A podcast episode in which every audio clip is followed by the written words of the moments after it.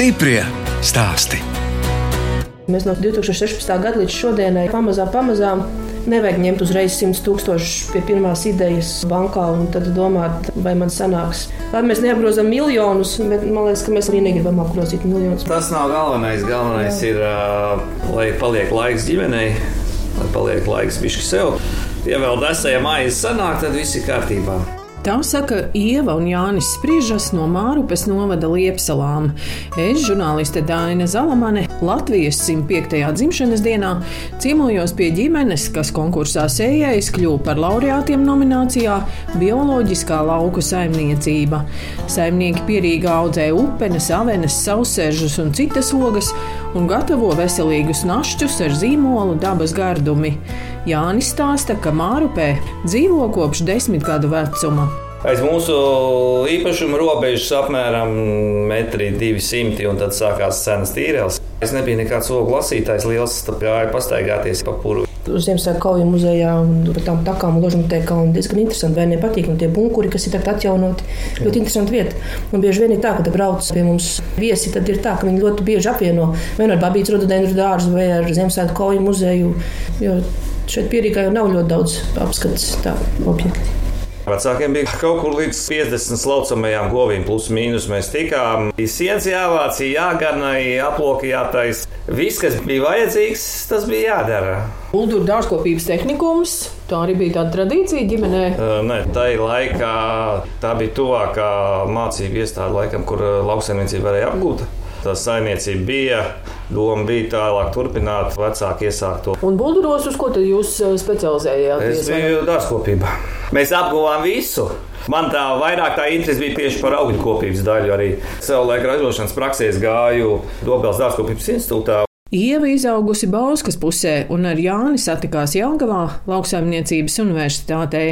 Ieva studēja ekonomistos, bet Jānis mācījās agronomos. Tad, kad atradat sievu, tad pamēģināt. Nepabeidzāt, jā, ja, nē, nē. Viņš paliek tēva Eiropas pensijā. Bet turpinājām tad vēl ar gotiņām pārvarējām 2009. gada krīzi, tad mēs tajā laikā nopirkām busu, nopirkām dzēsētāju un braukājām par tiem maziem tirdziņiem, kas tik, tikko tajā laikā sāka dzimt, kuri tagad vēl aizvien ir saglabājušies. Un tas mums toreiz izglāba patiesībā, jo toreiz vīrs teica, vai nu mēs to pienu lejam grāvī Vai kaut kā tādas bija ļoti zemas. Un tad mēs arī sapratām, ka tāds trieciens ir. Un kad vīrs saka, nu, ka ja ir šādi triecieni, tad varbūt labāk kaut ko tādu vairāk patstāvīgu un vairāk prognozējamu. Pārņemot saimniecību, pamazām pārgājām uz gaļas lopiem, un tad principā mēs pārgājām jau uz dārzkopību. Krūmi aug, ogas tu novāc ieliec saldētavā, viņas var nostāvēt arī gadu saldētavā. Bet piens ir piens, viņš ir jārealizē uzreiz. Ieva Sprīža, turpinot studijas Jāgavā, aktīvi iesaistījās jauno zemnieku kluba darbā. Mēs esam visu Eiropu izbraukājuši ar jauno zemnieku klubu, skatoties caur projektiem, kā tur jaunieši dara kā jaunie zemnieki tur saimnieko.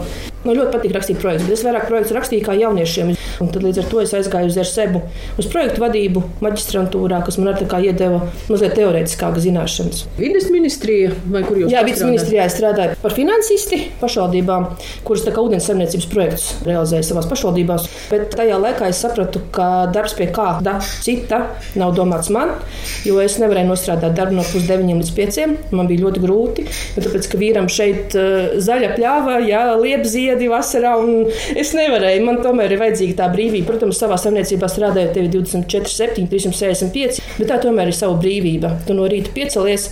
Spīd saule ārā, jebkurā brīdī var paņemt bērnus un aizbraukt uz zooloģisko dārzu, vai paņemt kādu brīvu dienu un vienkārši paskriet pa pļauju vai salasīt liepziedus. Bet, kad tev ir jāiet darbā no rīta līdz vakaram, nē, es tā nevaru.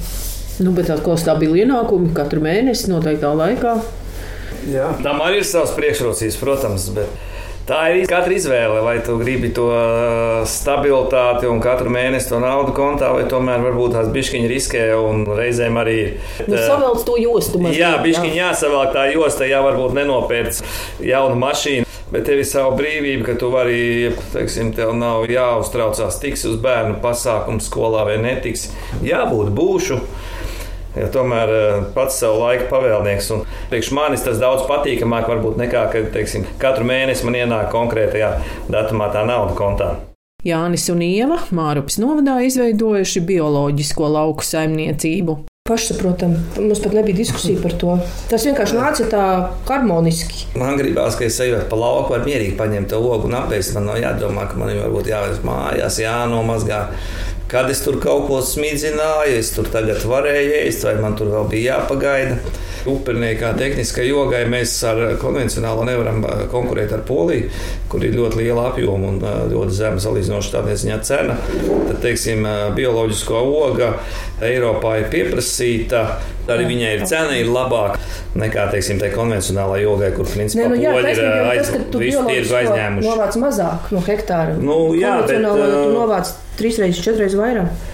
Bet arī pie tā ir jāstrādā, un es domāju, ka tur varētu arī diezgan vēl pietuvoties arī tiem konvencionālām ražām. Nu, labi, polijas ražas. Domāju, ka diez vai to arī vajag. Bet kā jūs, piemēram, laiks. cīnāties no avenēm, tārpi nemetas? Ne, rudens avenēs. Rudens avenēs, paldies Dievam, mūsējie tārpi vēl nezin, ka rudens avenēs ir. Viņi pazīst tikai vasaras. Vai jums ir tikai rudens? Jā, Tāpēc... arī jautājums ar tehniku. Vasaras avēns ir jāgriež ar rokām.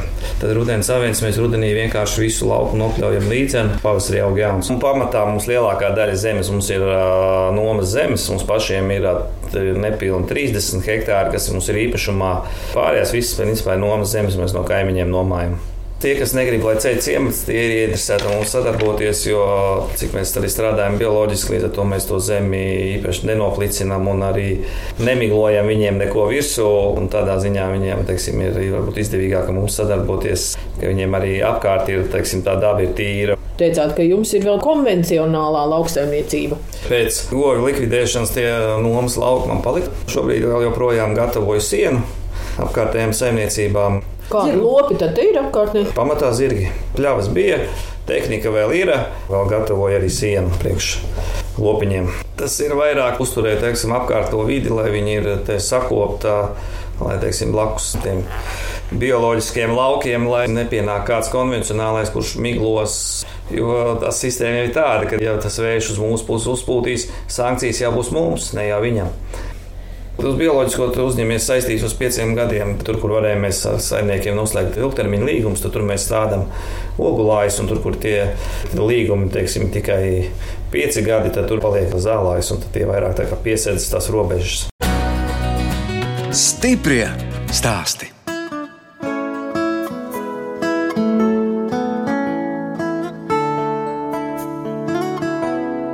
Radījums stipri stāsti turpina ciemoties Mārupas novadā pie šī gada sējēja laureātiem nominācijā Bioloģiskā lauku saimniecība Ievas un Jāņa sprižām. Saimnieki 36 hektāros audzē upenes, 6 hektāros avenes, 5 hektāros saussēžus un 3 hektāros jāņogas un ērkšķogas. Visas ogas tiek vāktas ar kombainu, pašlasītāji brauc lasīt tikai rudens avenes. Darbi saimniecībā ir sadalīti. Jānis atbild par lauku apstrādi un tehnikas lietām, Ieva par projektu rakstīšanu un ogu pārstrādi. Bet bizness sācies ar sukāžu gatavošanu. Mēs mājās sākām taisīt paši sev uz Ziemassvētkiem dzērviņu sukādes. Rabarberu sukādes, Cidonijas sukādas, jo mums vienkārši pat tās pirmās dārziņā bija viss kaut kas daudz, un mums vienkārši mazi bērni gribās kaut ko veselīgu, jo tajā laikā bija baigi moderni taisīt sukādas. Un tad viena drauga atbrauc, otra drauga atbrauc. Saka, klau, ļoti garšīgi, vai tu vari mums kaut ko iedot, mums vajag draugiem dāvinā. Un beigās es atjēdzos to, ka es jau griežu dienu un nakti mājas virtuvē un, un žāvēju mazajās apaļās žāvētavās. Un vīrs saka, klau, vai tev vispār tas ir ekonomiski izdevīgi? Es jau būtu pasties pērk taču. Viņš saka, jā, bet tu visu parēķini - elektrību, izēvielas, darbu, nolietojumu iekārtām. Un tad mēs meklējām, googlējām, ko vispār nozīmē biznesa plāns. Tad man izlaiž laukā LLC apmācības laukiem būt. Tur bija iespēja sadarboties ar mentoriem. Es piesaistīju mentoru no Dārzkopības institūta Dālijas Egliņu uz inovatīvu produktu izstrādi un varēju arī piedalīties konkursā laukiem būt. Un mēs vinējām gan pusfinālā, gan finālā. Un tas bija tas brīdis, kad mēs no sukādiem pārgājām uz produktiem, kas nesatur cukuru, ka mēs varētu taisīt augļu logu salmīgus, kuriem nav pievienots klāt cukurs, jo aveni kāds uztaisīs par sukāru. Tajā laikā jau liofilizēšana pie mums nebija atnākusi.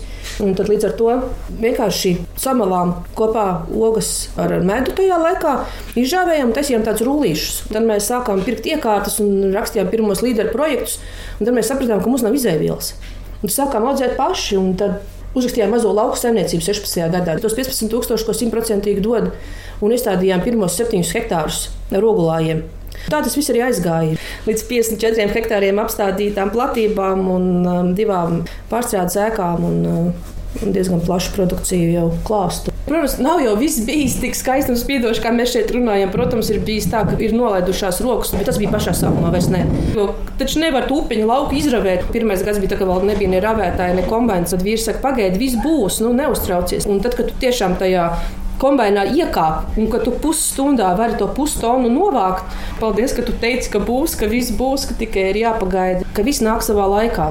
Šīs gads ar pavasara salnām bija liels izaicinājums arī Mārupes bioloģiskajiem saimniekiem. Ir tā, ka apsals kaut kad agrāk šķirnes, citreiz vēlās, kā no kuro reiz tā salna strāpa, bet tā, ka pilnīgi viss simtprocentīgi tā laikam ir pirmais, kamēr mēs eh, audzējam. Tad līdz ar to šogad teiksim, ir ūdens avens, labi viņas apsala, viņas neiedeva varbūt tādu ražu, kā būtu labā gadā, bet viņas iedeva ražu.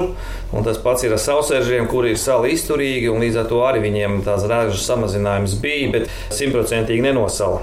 Uznāk kaut kāda kaitēkļa vai slimības, teiksim, ja viena kultūra varbūt tās kādu gadu skar vairāk, tad cita kultūra atkal izvelk to pārējo.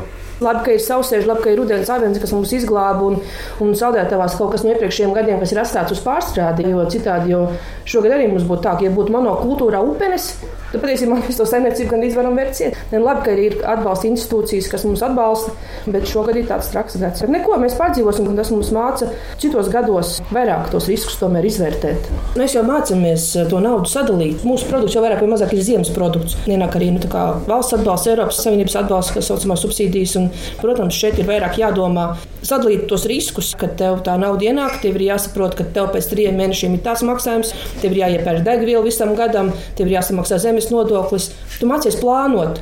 Un mūsu arī ikdiena un vispār gada plānošana kā tāda ir ļoti svarīga, un mēs arī kā saimnieki pie tā ļoti pieturamies. Sanāk, pakāpeniski pirmais nāk sausēdz, kas ir jau jūnijā, beigās jūlijas sākums, kad sākam kombinēt sausēžus. Tātad kombinācijas tālāk tad ir upenis, jāņoks, sēkšoks. Līdz ar to, teiksim, vēl salāgojuši čirnes to sezonu, kad tā tehnika ir nodarbināta, mēs pagarinām. Un arī, piemēram, upenis. Tagad jā, mums ir pieci šķirnes, kad viena šķirne nav gatava, tad nāk nākamā, tad aiznākamā, jo 36 hektārus upeni, ka ir gatava, viņi ir tehniskajā gatavībā jānovāc dienas, divas, trīs, atkarībā no Atkarībā no, atkarībā no šķirnes ir šķirnes, kas jā, divas, trīs dienas jā. jānovācies šķirnes, kuras var nedēļu un divas vākt. Kurš ar to kombināciju brauc Jānis? Es sēžu traktorā un stūrēju to visu, un tad sieva uz kombināciju ar bērniem maina kastes. Nu, labā gadā upenes pusstunda, pustonna. Trijās dienās piecas tonnas sanāk. Ieva uzrakstījusi divus projektus, lai saimniecībā uzbūvētu ēkas ogu uzglabāšanai un pārstrādēji. Parasti sezonā ap 20% ogu tiek pārstrādātas, pārējās tiek pārdotas.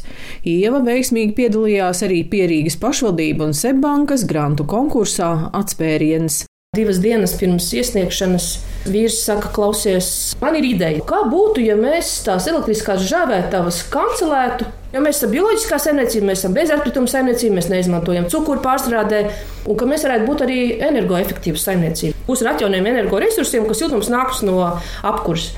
Es uzrakstīju, aizbraucu uz vienu aizstāvēšanu. Jā, nu vienmēr sakot, es noprezentēju, un viņiem tas ļoti patika. Jā, un mēs vinējām par tiem desmit tūkstošiem, re, kur ir arī tā lielā žāvētava. Tā jau ir otrā versija. Jā, atjaunotā versija. Bet, bet, kur ir tas pats? Tā žāvētava. Jā, tas pelēkais. Jā. Ar ko te jūs te kurināt? Granuls.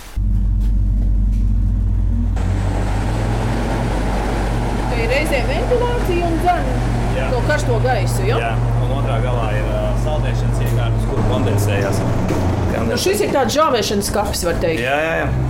Tur iekšā brauks trīs rati. Nu, tur jāliek ir ceturtajam vietai, ir, jo mums arī apjoma auga vairs trīs ratiem jau ir pa maz. Katrai ratai ir 20 paplātes, šobrīd brauc iekšā 60, bet tā brauks iekšā 80. Nu, Šie nav leduskapi, bet žāvētājs jau uz otrādi. Taisn tādas pašas, tikai jāēd elektrību, un uh, šīs izmanto vairāk, tā, kad ir kaut kādi eksperimentāli nelieli apjomi, vai, teiksim, ja lielajā žāvētavā kāda paplāte un līdz galam neizžūst, tad pieslēdz šīs. Te glabājās vēl produkcija. Gatavā. Gatavā. Gatavā. Priekšpusē te ir veikaliņš, te jūs uzņemat viesus. viesus.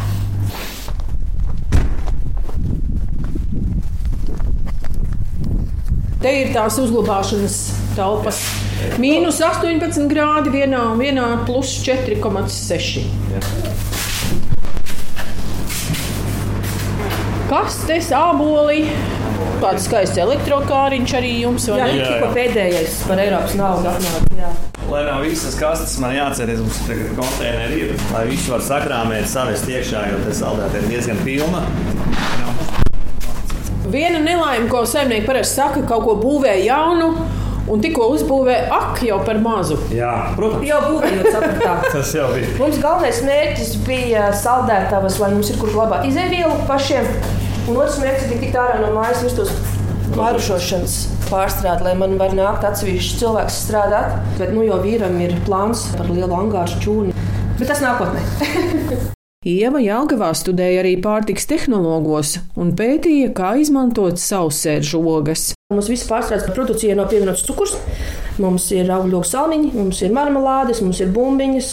Mēs no sākuma izdomājām šo salmiņu pēc sukādēm, ja, jo mēs, tad, kad biznesa plānu rakstījām, mēs sapratām, ka sukādas jau patiesībā ražo jau ļoti daudz uzņēmumu. Ja mēs rāmkalnus neizkonkurēsim, un arī diez vai vajag. Katram ir savs produkts, katram ir sava niša, kurā mēs strādājam. Un šajā nišā mēs atradām vietu sev, jo tajā laikā, kad mēs to sākām darīt, nebija neviena saimniecība, kas ražo. Mēs no sākuma griezām ar lineālu nazi. Un man vīrs saka, Klau, es uzkonstruēšu tev uh, elektrisku griezēju. Un tad man vīrs ir sadarbībā ar vienu metāla pārstrādes uzņēmumu uzkonstruējis elektrisku griezēju. Nu jau tas nav roku darbs, vienkārši tik ieliež iekšā un sagriež. Un tad rodas tāds tā kā drumstaliņas atbirumi. Un tad mēs tos atbirumus pāržāvējam vēlreiz pulverī. Sajaucam ar speciāli pārstrādātu ābolu, un tad mums ir bumbiņas. Bet šie ir tādi veselīgie našķi. Ja? Nu, Jā. jā. jā, jā. Jā, viņos ir ļoti daudz šķiedrvielas iekšā, vitamīnus. Mēs arī žāvējam tādu nu, līdz 50 grādiem, lai saglabātu viņu to uzturvērtību pēc iespējas augstāku. Jāatrod vēl tikai ābolu. Ja kādi ir, kas audzē bioloģiskos zarīs, salātu, šķirnes ābolus, lūdzu, dodiet ziņu. Kāpēc tieši to Tāpēc, ka viņi ir ļoti forši šķirni, viņi nebrūnē. Viņam ir eh, ļoti spilgti izteikta krāsa. Teiksim. Šis varētu būt kaut kas līdzīgs teiksim, no gaišiem aboliem. Un ko jūs ar tiem saussēžiem darāt? Mums ir uh, burvīgi produkti, pārstrādes produkti. Protams, mēs viņus uh, rekomendējam ēst svaigus, jo viņi ir ļoti veselīga oga, kura patiesībā ir ļoti maz pazīstama. Viņi tikai sāk nākt mūsu tirgu iekšā.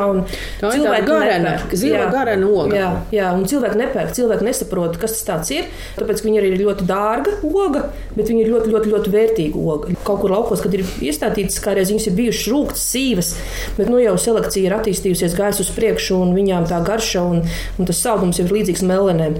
Un oga arī, man liekas, lielāka vai ne? Jā, jā. Nekā Jā, nu, kā kurš šķirne, jā, jā, bet kā Jā. kurš šķirne mums, ir- mums pašiem ir 11 šķirnes izmēģinājumā iestādīts, jo to ideju man vīrs atveda no Polijas. Mēs savsēžu šajā sezonā pārdodam svaigā veidā, bet mums ir pārstrādes produkti. Savsēžu ievārījums, kas ir bez cukura. Un to, tad, kad mums šeit atbrauc viesi, ļoti, ļoti, ļoti slavē. Un tikko arī bija pārstāvi no Dārzkopības institūta, viņiem viņš ļoti garšoja. Un savsēžu ievārījums ir tas, kur mēs nespējam vārīt, jo viņi izķer vienkārši. Kā atbrauc grupa, tā visas, visas burciņas nopērk un pat vēl pietrūkst. Es domāju, ka es varētu iet uz to, ka es tagad ogas izpētīju, un doktorantūrā varētu to ogu pielietojamību uz pārstrādi. Kad vienkārši izdomāt kādu inovatīvus produktus un papētīt un uztaisīt kaut ko no savas žogām, kas varētu kaut kādā veidā ar veselību saistīts, varbūt būt vai nu, kaut kas tāds. Nu, sieva ir runātāja, vai ne, Jāni? Protams. Tāpēc jau viņi jums tur visu prezentē, Nu, vienmēr kā, nu? visus tos projektus. Dzīvē jābūt līdzsvaram. Kāds runā, kāds dara. Bet eh, runāšana arī ir darbs, jo eh, man teiksim, vairāk patīk pašam strādāt ar eh, rokām, un tā, bet sievai jā, viņai patīk tā vairāk tā publiskā darbība. Un tas ir labi. Līdz ar to tai saimniecībai tas līdzsvars, kad ir gan viss lauks sakārtot, sieva noorganizējas visu pārstrādi un tad, tad produkcijas realizāciju un tā tālāk. Nu, tad, kad es sāku lidot, tad vīrs piezemē. un tad, kad vīrs pārāk daudz ir piezemēs, tad es atkal mēģinu viņu pacelt. Stiprie stāsti.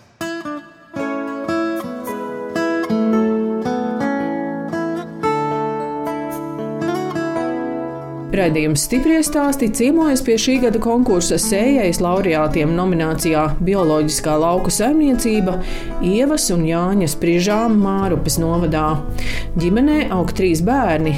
Dēli Kārlis un Raivis, kas ir jau lieli palīgi mājas darbos, un pastirīta meita Elza. Gaidījām otru bērniņu. Es domāju, piedzimis otrs, kā es to mīlestību nevarēšu sadalīt uz pusēm. Bet patiesībā, tad, kad piedzima otrs puika, tā mīlestība palika divreiz vairāk. Un tad, kad piedzima Elza, jo Elza ir uh, ar lielāku gadu starpību starp brāļiem, tad viņa mums vispār iemācīja dzīvot šodienai. Un vispār Elza ļoti, ļoti mainīja mūsu dzīves uztveri. Saprotam, ka dāršķīgas lietas vispār nav vajadzīgas un ka nav ko skriet pēc kaut kā Nu, Jāni, ko Elza mainīja? Nevelti ir tas teiciens, kā vīrieši gaida dēls, bet mīl tās meitas. Protams, kāds savādāk. Puikām ir savi darbiņi. Vikas jau tomēr ir tagad jau desmit gadi, viņi jau sāk lēnā garā ar tehniku strādāt, kaut ko darīt, kaut ko mācās, apgūst. Sēcītus man vairs nav jāpļauj, mēbeles man pašam vairs nav jāskrūvē, to bērni izdara visu. Tā kā tādi sīkie mājas darbi pamazām atkrīt, puikas aug lielāki. Meitene paaugsies, tad jau mammai vairāk būs droši vien palīgs. Bet... Nu, diez vai.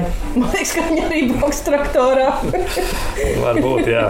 Nu, bet ko tā Elsa mainīja? Tu saproti, cik ātri tie lielie bērni izaug, jo piedzimst mazais, tad tie lielie ir lieli. Tu saproti, cik ātri izaug un ka varbūt tomēr jāatvēl vairāk laika, lai piedalītos tajā augšanas procesā. Jūs izskatāties abi tādi ļoti mīloši vecāki. Kā jūsu bērniem ir paveicies? Nu, cerams, jā. cerams, ka iedot jā, to ceļu maizi, to ģimenes svētību un tas, ko viņi dzīvē izvēlēsies, tas no viņas ziņā. Vai viņi gribēs braukt ar to traktoru vai negribēs.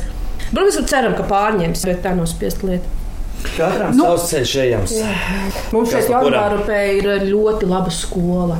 Mums ir ļoti laba skola. Vidusskola, pamatskola. Pamatskola, diemžēl, bet mums Mārpas gimnāzija, tāpat tās arī Mārupē, bet ir ļoti laba skola, ir ļoti laba progresīva skolotāja ir kolosāls interešu izglītība piedāvājums, uz kuriem vispār mēs pat visiem nespējam aiziet. Mums vairāk ir uh, uz eksaktajām zinībām, uz matemātikas pulciņiem, uz vēstures pulciņiem, un tad viņi iet arī uz turismu pulciņiem, nu, kā bijušie jaunsargi. Un, uh, mums ir uh, peldēšana, sporta skolā, un mazā princese mums ir bērnu dārzā. Viņai pietiek ar bērnu dārzu šobrīd, jo bērnu dārzs jau arī dod ļoti plašu pilnu programmu. Mēs esam ļoti priecīgi, ka mūsu bērni mācās šajā skolā. Jā. Ļoti labi mācās arī klasē. Šais laikos jau mācīties ir tīrā bauda, teiksim, salīdzinot to, to, kā mēs mācījāmies, kādas tagad ir iespējas, kādas ir tehnoloģijas, kāds ir piedāvājums, ko tu vari izvēlēties, paskatīties tur, šitien, vēl kaut kur. Salīdzināt, principā, nevar. Jo mēs ar vīru tā priecājamies par to. Mēs patiesībā izbaudām kopā ar bērniem visu mācīšanās procesu un visas tās aktivitātes, ko viņiem piedāvā. Jo mums skolotājs pilnīgi pa baltu velti ziemā trīs reizes nedēļā piedāvā slēpot. Nu, vai nu uzvaras parkā, vai turpat Lucavas parkā. Un tad ir tā, ka mums no sākuma vecākais dēls brauca. Tad pievienojās mazais puika, un pagājušajā ziemā jau visi ģimene jau braucām. Kopā mēs tāpat izbraucam gan tepat pa Latviju, gan arī ārpus kaut kur kādā ekskursijā. Pastīties kaut kādā saimniecībā, vai vēl kaut ko, un, un, un bērniem atkal kaut kādas bērnu kādu attrakciju, attrakciju parku. parku vai izklaides. Jā, nu, tas tāds varbūt ne tik bieži kā bērniem gribētos, bet uh, ik pa laikam mēs to darām. Nu, kā bērniem ir šeit dzīvot? Viņi ir paši tāda sava kompānija, vai tomēr prasās arī vēl citus bērnus? Reizēm varbūt viņiem gribētos nu, vairāk, varbūt tajā varbūt ciematā, tur tajā kompānijā. Draugi arī brauc pie mums. Un tad ir lielie prieki, kad ir lielā tehnika, un, ja iedod ar pļauju mašīnu pabraukt, tad vēl ir lielāki prieki. Un, jā, un tad viņi visādus smilšu tuneļus, roku un ūdeni laiž. Un, un tepat tās blakus pie namiņa mums vēl ir nepabeigta vieta, kur ir izraktas smiltis un kalni. Un tā tās arī blakus ir laistīšanas šļūte. Smilts, kas tas pa būvlaukumu bērniem. Jā, viņas ir roka, viss kaut ko. Viņi var izvērsties ar akšanu, cik dziļi grib un ko grib un kā grib. Jā, tad viņiem tāda iespēja ir. Jānis un Ieva Sprižas konkursā sējais piedalījušies vairāk kārt, saņēmuši divus mazos un šogad arī lielo sējēju statueti, kā laureāti nominācijā Bioloģiskā lauku saimniecība. Tas ir patīkami, ka mūs novērtē vairāk tas tāds interesants pasākums salīdzināties ar citiem saimniekiem, varbūt nedaudz uh, paskatīties, kā tu uz citu fonu izskaties. Savam priekam, kāpēc ne uz balvu aiziesim. Bet ir jau svarīgs arī tas slavas brīdis. Ne, jā, jā, jā. jā patīk, protams, ir patīkam, ka lepnums. novērtē. Jā. Protams, ir lepnums, ka mēs esam novērtēti, jo tad, kad tu ikdienā skrieni vai kad tu saņem to balvu, protams, ir forši, ka tu esi novērtēts, ka tu esi pamanīts. Un, protams, ka uh, ir lepnums, protams, ka ir prieks un skrienas kudriņas pāri uz skatuves, kad pasniedz balvu. Ja, un, Protams, ļoti forši. Bet, jā, bet redziet, viņa stāv uz plauktiņa. visi fotografēja, visi priecājās, lepojās ar mums. Un, kad grib atbraukt ciemos un apskatīties, ja arī tādi, kas līdz šim vēl nav bijuši pie mums, es domāju, ka arī kaut kādas jaunas sadarbības varbūt nāk pēc tam ļoti iedvesmojošs pasākums, jo tu redzi, kā saimnieki Latvijā izaug tāds ļoti patriotisks gars tajā visā iekšēji, ka tu redzi, ka tu vari lepoties ar to, ko mēs šeit eh, Latvijā darām, un ka mēs varam, un ka mēs esam patiesībā ļoti stipri saimnieki šeit Latvijā, un ka ļoti stipras ģimenes ir Latvijā, un fenomenāls lietas, ko viņi spēj izdarīt. Es skatījos, Ieva, ka jūs arī mājaslapā bijāt uzrakstījusi, ka Latvijas laukos kādas ģimenes saimnieko? Stipras ģimenes. Teiksim, tāds ģimenes saimniecības, kas saimnieko laukos, tad tomēr jābūt ir jā, jo tomēr vienam otrs ir jābalsta. Un tad jābūt tai stiprai ģimenei, lai būtu tas ģimenes plecs, kurš ja tev vajag, tad lai ir kāds, kas atnāk un tevi nomaina vai, vai palīdz. Tāds iekšējais spēks un ticība, ka tu kopā ar ģimeni vari izdarīt daudz. Un tad, kad tu to apzinājies, ir tāds iekšējs nenormāls spēks, ka tu vienkārši ej un dari, un ka tu no tā nepiegursti. Ir tāds spēks, ticība, ka kopā darot, var izdarīt ļoti daudz, un tu no tā nepiegursti. Ko jūs parasti darāt 18. novembrī? Mēs atzīmējam, jā, Nav tāds noteikts uh, formāts. formāts katru gadu, jā, bet, Bet mums ir sarkanbalts, sarkans galds un balts šķīvi, un lai bērni redz tās latviskās tradīcijas, jā, mēs uh, iededzam sveces, apēdam kādu sarkanbaltu sarkanu ēdienu, jā, svētku galds ir, sarkanbalts sarkanu kūka ir, bet tas jau ir sirdī, manuprāt. Mēs esam tāda ģimene, ka labi, mēs piedalāmies daudz konkursos, mēs rakstām daudz projektus, ja pie mums brauc daudz cilvēku, bet mēs vairāk esam introverta ģimene, teiksim tā. Tas vairāk ir mūsu pašu sirdīs. Galvenais ir mīlestība, radošumu, prieku par to, ko dariet, un uh, būsim saimnieki savā zemē. Es domāju, tad mēs būsim laimīgi un vienoti. Galvenais mieru un saprast, ka tā valsts sākās no mums, un mēs esam tie, kas to valsti veido. Un, ja mēs savu teritoriju, savu kaut vai dzīvokli, vai ko, ja mēs turēsim un kopsim, no tā jau veidosies tā Latvija, un no tā arī mēs teiksim, kļūsim labāki, pagātāki un, un tā tālāk. Jo no tā viss ir atkarīgs. Neviens cits jau to neveidos. Mums pašiem viss ir jāveido. Reizēm ir tā, ka dūši apskrienās, ka ir pat kāda dažu labu lēmumu, bet, ja tu gribi kaut ko mainīt, tev jāiet un jāmaina. Nu, ja tu negribi to darīt, nu, tad negaidi, kad kāds ies un izdarīs tieši tā, kā tu gribi. Darot to, teiksim, savu lietu, varbūt pēc tās labākās sirdsapziņas rāda piemēru tiem pašiem bērniem, lai tā nākamā paudze varbūt izaugs gudrāka par mums un pieņems tos lēmumus, varbūt labākus, bet uh, viņi to nevarēs izdarīt, ja mēs nerādīsim piemēru, kā strādāt, kā veidot savu dzīvi, savu saimniecību. Ja mēs gribam paši būt saimnieki savā zemē un saimniekot, mums ir jāspēj arī tā zeme aizstāvēt. Katrā ziņā esam ģimene, kas ir par to, ka ir zemesargu apmācības, tagad par to, ka tiem puišiem ir jāiet vai nu kaut kur augstskolas jāiziet tas kurs, vai tu pēc tam pēc skolas vari to gadu aiziet un iziet to arī. Mēs esam par to. Vīrietim ir jāzina, no kurā galda tā plinta šauja. Jā, bija arī savā laikā. Visi arī savā laikā Tas bija Jansargos, tas bijis, jā, bet tā kā man bija saimniecība, tad ne armijā īsti paspēja, ne šobrīd, teiksim, zemesardzē man tam vienkārši laika šobrīd nav. Bet jāsaprot, kas tas ir, ko tas prasa, un, un, un, un, un, un jābūt spējīgam arī savu valsts aizstāvēt. Mēs lepojamies ar savu ģimeni. Mēs lepojamies ar mūsu bioloģisko saimniecību, kā mēs šeit, kā ģimene, kopā ar vīru varam kopīgi izdomāt, kā attīstīties. Mēs lepojamies ar to, ka esam Mārpas novada bioloģiskā saimniecība. Mēs lepojamies ar to, ka esam latvieši, lepojamies ar to, ka esam saimnieki savā zemē, mūsu zemē, Latvijā. Es ļoti ceru, ka tāds arī paliks vienmēr.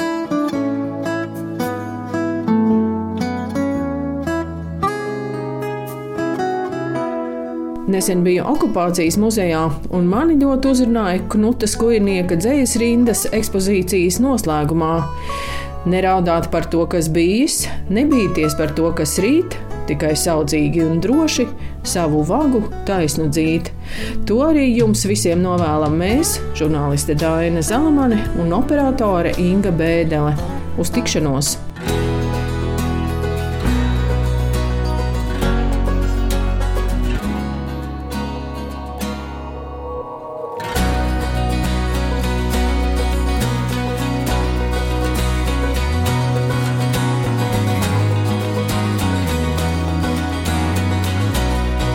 Stiprie stāsti.